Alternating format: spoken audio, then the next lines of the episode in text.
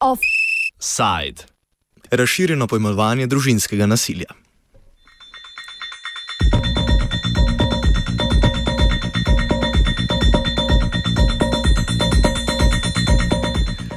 Ministrstvo za delo, družino, socialne zadeve in enake možnosti je v javno razpravo uvrstilo novelo zakona za preprečevanje družinskega nasilja, njena splošna značilnost pa je močno zmanjšana toleranca do vseh vrst družinskega nasilja. Novela med drugim obravnava tudi definicijo družinskih članov, vrst nasilja, povečuje pa tudi pristojnosti organov pregona, kot so policija in sodišča. Kaj vse prinaša novela, povzame psiholog Matic Munc. Jaz bi mogoče izpostavil jih neparno. Eno je pač to, k čemu smo se kar veliko pač med nevladniki pogovarjali, v tem, da grožnje z, z fizičnim nasiljem ali pa kakorkoli do zdaj niso bile opredeljene kot nasilno dejanje. Zdaj v primeru, če bo novela uh, potrjena, zdaj šla pač v, v šele v pač začetek postopka, bodo pač tudi grožnje, kar je zelo pomemben napredek. Uh, isto velja recimo za zalezovanje, se pravi, oblika tega, da nekdo zelo začne posegati v oseben prostor človeka, ga pač s tem, če rečemo tujko, v bistvu stoker, ne, če pač nekdo nekoga stoka, zalezuje. Uh, je pa tako, da uh, pol recimo, ne vem, širi obseg družinskih članov, katere, katere se jemlje kot družinske člane, ki jih pač zakon o preprečevanju nasilja v družini zajema in ko še nekaj pač kar nekaj pomembnih stvari. Uh, Zdaj, uh, mene recimo je malo presenetilo to uh, in seveda pa tudi pojasnjuje, ne, da ne glede na to, da smo osem let od tega zakona, uh, imamo pa tleno tako veliko dvoličnost. Ne. Mi zdaj nekaj dodajamo ponovno v zakon, kar je sicer v redu, krasno, super, ampak mi še tega zakona, ki ga imamo osem let, v bistvu v resnici v praksi ne znamo izvajati. Ne. Kar pomeni, mi lahko v zakon se da napisati čudovite, krasne stvari, Ampak to čisto ne pomaga, če se v praksi to ne izvede. In uh, isto ministrstvo, ki je seveda to vložilo, še zdaj po osmih letih ni izdelalo v bistvu pravilnika, nekega operativnega uh, navodila za delavce, kako pravzaprav že ta obstoječ zakon uveljavljati oziroma kaj, kako dejansko ljudem na terenu s tem pomagati.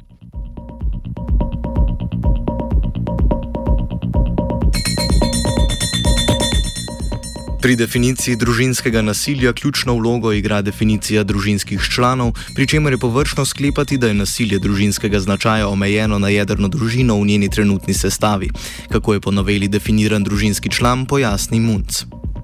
Ja, zdaj, tukaj, tukaj se zdaj pojavlja ena zanimiva dilema. V, v, luči, uh, v luči obstoječega, oziroma ravno kar pač žal propadlega, ni mi rado referendum, ampak žal pač poskusa tega, da bi se pač uveljavila možnost poroke istospolnih, kjer smo že debatirali o družini na nek čuden, nek čuden diskurs, ki je, pač, kjer je bilo pač zelo jasno strani konzervativne plati Slovenije izpostavljeno, da pač družina je samo oče, mama in otrok. Ne?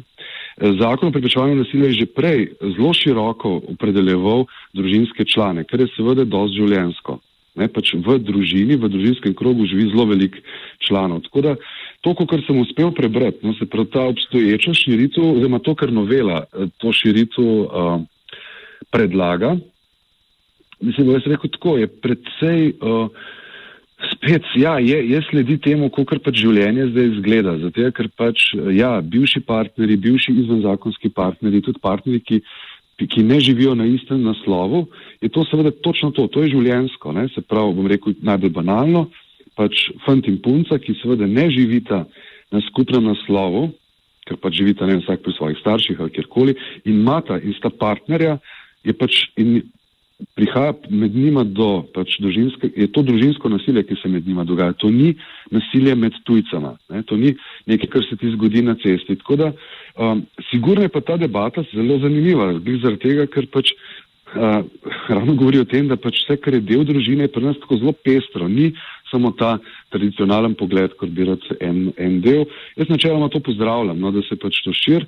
Uh, sem pa slišal že danes kar nekaj komentarjev na to, Kar se pa pri nas v Sloveniji vedno zgodi, ne, da je to pač, uh, da to samo omogoča vedno večjo možnost manipulacije in da uh, tako naprej, da bo pač zdaj, zdaj pa že vsak. Ampak pri nas imamo res tako zelo sivo pego glede nasilja in ponovadi, kadar ko se okoli tega govori, se vedno pojavijo kritiki, ki pravijo, ja, to je pa zdaj narejeno zato, da bo nekdo zlorabljal sistem, pa kaj se vmešavate in tako naprej. Po noveli zakona so žrtve nasilja oproščene sodne takse, razširjeno pa je tudi pojmovanje ekonomskega nasilja v družini. Samo ukrep tega, da se pač eh, dejansko da ne bi bili oproščeni sodnih taks, je seveda pravilen, ker na ta način je to recimo bila prej ovira za, nek, za enega prijavitelja, ker pač si ni mogel tega prvoščiti, je to dosti bedno. Uh, vendar ni pa nujno, da bo to seveda na drugi strani povečal dejansko prijave, zato ker ravno področje recimo glih ekonomskega nasilja je pri nas popolnoma sivo polje. Ne? Uh, jaz se pravzaprav zdaj v praksi recimo zelo težko sploh spomnim, da bi kakšna prijava ekonomskega nasilja že do zdaj, čeprav je bilo opredeljeno že v obstoječem zakonu, je, da bi sploh šla skozi. Ne, bi, recimo, bom dal prav primer, ki je naslavlja mlade. Ne. Namreč, uh, kako to v bistvu v praksi sploh ne deluje. Ne. In sicer je tole staro 14 dni, gre za eno mlado študentko, ki je morala zapustiti uh, doma bivališče, zaradi tega, ker enostavno so vsi doma pač do nje pač bili fizično nasilni. Vendar, seveda, ko je ona pač pobegala in se pač poiskala varno bivališče, izvajo nad njo intenzivno ekonomsko nasilje. To pomeni, da seveda preprečuje kakršen koli dostop do finančnih sredstev, pri čemer si sama ne more zagotoviti popolnoma eksistence. In okoli tega je že zdaj pač, pač naletava na popolnoma gluha ušesa. Zato, ker pač vsi pravijo, da se pač mora znajti. Ne? Recimo ekonomsko nasilje je sploh zdaj, odkar imamo, pa ne imamo krizo ali nimamo, ampak eh, je eno izmed zelo izrazitih orodij pritiska na, na človeka, ker ga v bistvu pač finančno ga čist uh, onemogočaš. Ne? Tako da tle je veliko vprašanje, ali bo, zaradi tega, bo sam zaradi tega več, več uh, prijav. Sigurno bi jih bilo pa več, če bi ministrstvo in cela civilna družba zelo intenzivno izvajala pač v bistvu promocijo tega, da je pač tudi ekonomsko nasilje nasilje. Namreč zelo veliko ljudi dejansko tega niti ne ve.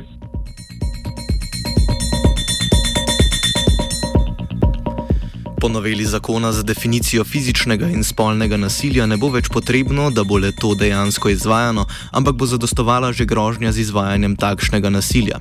Novela predvideva tudi strožje preganjanje psihičnega in ekonomskega nasilja, kot novo kategorijo nasilja pa uvede tudi zalezovanje. Praktično skoraj vse spremembe, ki so ne, eh, predlagane v noveli, so za pozdrav, zaradi tega, ker pravzaprav nudijo načeloma večjo zaščito oškodovancem nasilja. Se pravi, jaz še enkrat izpostavljam, bistvene spremembe so sigurno to, da je opredeljeno zalezovanje, da so opredeljene grožnje po fizičnem, se pravi, ker tega, teh primerov imamo zelo veliko v Sloveniji, ko se je v bistvu vnaprej nekaj napovedovalo, ne? nekdo je grozil, ampak potem nihče ni posredoval, ker to kao ni nič. Potem se je pa nekaj zgodil, pa smo bili vsi pol naknadno pametni. Um, Tako da to se pravi, tudi noter so tudi opredeljene tudi določene drugi vidiki, ki se ravno prej omenili, tako ekonomskega nasilja, skratka na splošno. Predlogi, ki so, so dobri, ne? se pravi, zdaj izvajanje je vprašljivo, ampak vse gre v širitev tega, da uh, vedno, več, vedno več stvari dojemamo v Sloveniji kot nasilje. Zdaj, drug del vprašanja, zdaj, drug del mojega odgovora na vaše vprašanje je pa tako. Uh, Mi smo na, na nivoju zakona takrat, se pravi pred osmimi leti, smo veljali kot zelo napredna evropska država, ampak samo na nivoju zakona. Ker zakon sam je bil in je še zdaj relativno sodoben, napreden, liberalen, kakorkoli ok zakon. Vendar na samem na nivoju obravnave smo pa mi predvsej na repu evropske statistike in to je pa načeloma tudi zato, ker pri nas je pa zelo um, visoka toleranca do nasilja. Uh, zaradi tega, ker dejansko v praksi teh postopkov nimamo speljanih, da bi res človeka lahko kvalitetno zaščitili. Ne. Mene danes čisto šokiral, ker se zdaj pogovarjamo o tem, da storilc nasilja ne, ne bi imel upogleda v dokumentacijo od žrtve svoje. Ne. Mislim, to se mi zdi butas, če so dejansko tako izvajali, da je lahko storilc gledal v dokumentacijo, so delali že tako grozno napako. Ne. Tako da, če so rabili 8 let, da so to pogruntali, pol, puf, ok. Ne.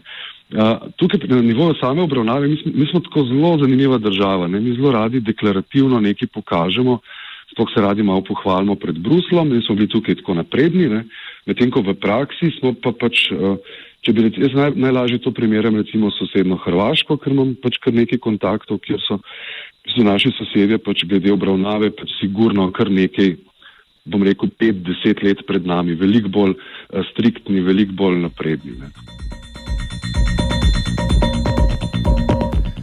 Pri pripravi novele zakona so sodelovali tudi nevladne organizacije.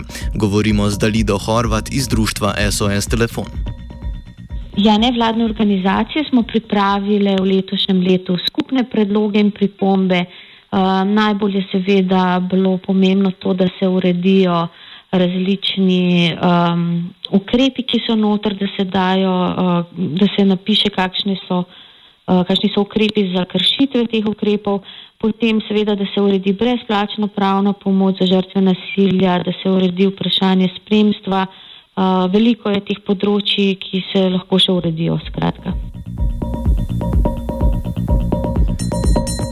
Društvo SOS Telefon letno prejme več kot 2000 klicev v sili, kar nazorno prikazuje, da novela ne obravnava izoliranih problemov, ampak razširjen družbeni pojav. Kar se tiče samih klicev na SOS Telefon, je tako, da je večina klicev um, v bistvu zaradi vrste nasilja, to je nasilje v družini, kar se pa tiče oblike nasilja, je pa večinoma psihično nasilje, sem spada čustveno, verbalno um, in tako naprej. Medtem ko seveda je tudi dosti, dosti fizičnega, potem spolnega nasilja, zelo veliko ekonomskega nasilja, zanemarjanja. Um, je tudi kar dost nasilja nad otroki, nad starejšimi ljudmi. Nimamo zdaj nekih številk, ampak to so bolj ocene. Se pa to dosti ujema s podatki iz nacionalne raziskave o nasilju v družini nad ženskami in nad otroki iz leta 2010 kjer so ugotovili, da je od 15 let starosti vsaka druga ženska v bistvu doživela eh, neko vrsto psihičnega nasilja, pa približen potem vsaka četrta neko vrsto fizičnega nasilja. Medsebojno prepletanje različnih oblik nasilja pojasni psihiatrinja Zdenka Čebašek Travnik. Tam, kjer je fizično nasilje, smo lahko prepričani, da je pred njim bilo tudi psihično nasilje, kajti še vedno štejemo, da je fizično, se pravi telesno nasilje, stopnjevanje nasilja, ki je ustajalo že prej. Poleg telesnega in duševnega, torej psihičnega nasilja, obstaja tudi ekonomsko nasilje, je, ki je povezano s tem, da se žrtvi jemlje denar.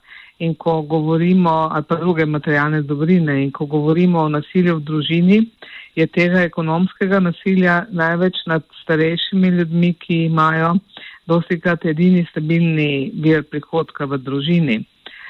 Medtem, ko je spolno nasilje en tak um, neraziskan del nasilja, kajti žrtev, ki bi se pritoževali samo nad spolnim nasiljem, znotraj družine je relativno malo. Kadar pa gre za spolno nasilje nad mladoletnimi ali pa nad um, šipkejšimi osebami, pa se te zadeve prijavljajo in s temi podatki razpolaga policija. Čebašek Travnik, ki se sicer osredotoča na zdravljenje odvisnosti, opozarja, da pri družinskem nasilju sliko, slika veliko krat ni črno-bela, ampak je ista oseba neredko tako žrtev kot storilec nasilja.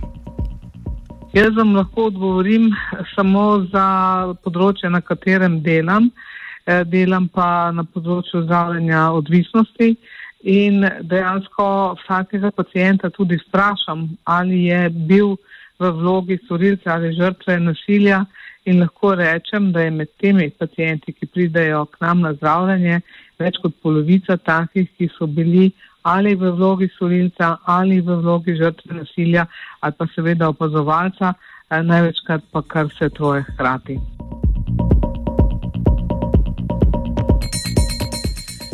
Na družinsko nasilje pa ne gre gledati kot na problem, ki ga lahko rešimo le s prejetjem ustreznega zakona, saj so v družinskem nasilju prisotni vplivi širših družbenih odnosov. Povezava med socialnim in ekonomskim položajem družine ter stopnjo družinskega nasilja, če tudi ni edini faktor, je preveč pomembna, da bi jo lahko izpustili. To opaža tudi Čebašek Travnik, ki pa opozarja, da to ni edini vzrok družinskega nasilja. Dejansko so materialne stiske ene od dejavnikov, ki pospešujejo um, nasilje v siceršnjih uh, razmerah, mogoče do tega nasilja ne bi prišlo, ampak ko so te stiske tako hude, da se ljudje borijo dejansko za svoj obstoj, jih vsaka um, manjša zadeva spravi iz tira in to svojo napetost izrazijo skozi nasilje. Ta povezava, da je nasilje pogostejše pri materialno prikrašanih ljudeh, ni nič novega in tudi pri nas velja vendar nas ne sme to zaslepiti. Namreč nasilje se dogaja tudi med tistimi, ki so daleč stran od revščine, med tistimi, ki so uh, tudi visoko izobraženi, ki imajo pozicije v družbi, pa vendarle nasilje izvajajo. Ampak tukaj so razlogi drugačne narave. Poleg dopolnitve zakona ter osredotočanja na družbene in ekonomske vplive, ki dodatno pripomorejo k prisotnosti družinskega nasilja, pa so potrebne tudi izboljšave v psihološki pomoči žrtvam nasilja. Žrtve nasilja še vedno nimajo prosto dostopne psihoterapevtske pomoči, oziroma je te prosto dostopne pomoči izrazito premalo. In tudi, ko povedo, da, da so bile žrtve nasilja, ostanejo največkrat sama. Ne vem, če bo ta zakon eh, dejansko pripomogel k temu, da bodo žrtve imele večji dostop do eh, strokovne pomoči, vendar je to nekaj, kar bi Slovenija morala v zelo kratkem času omogočiti.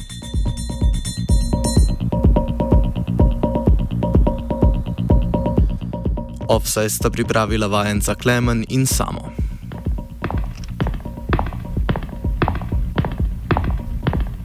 Policija svetuje: pazite na se. Mi smo za vsakim vogalom.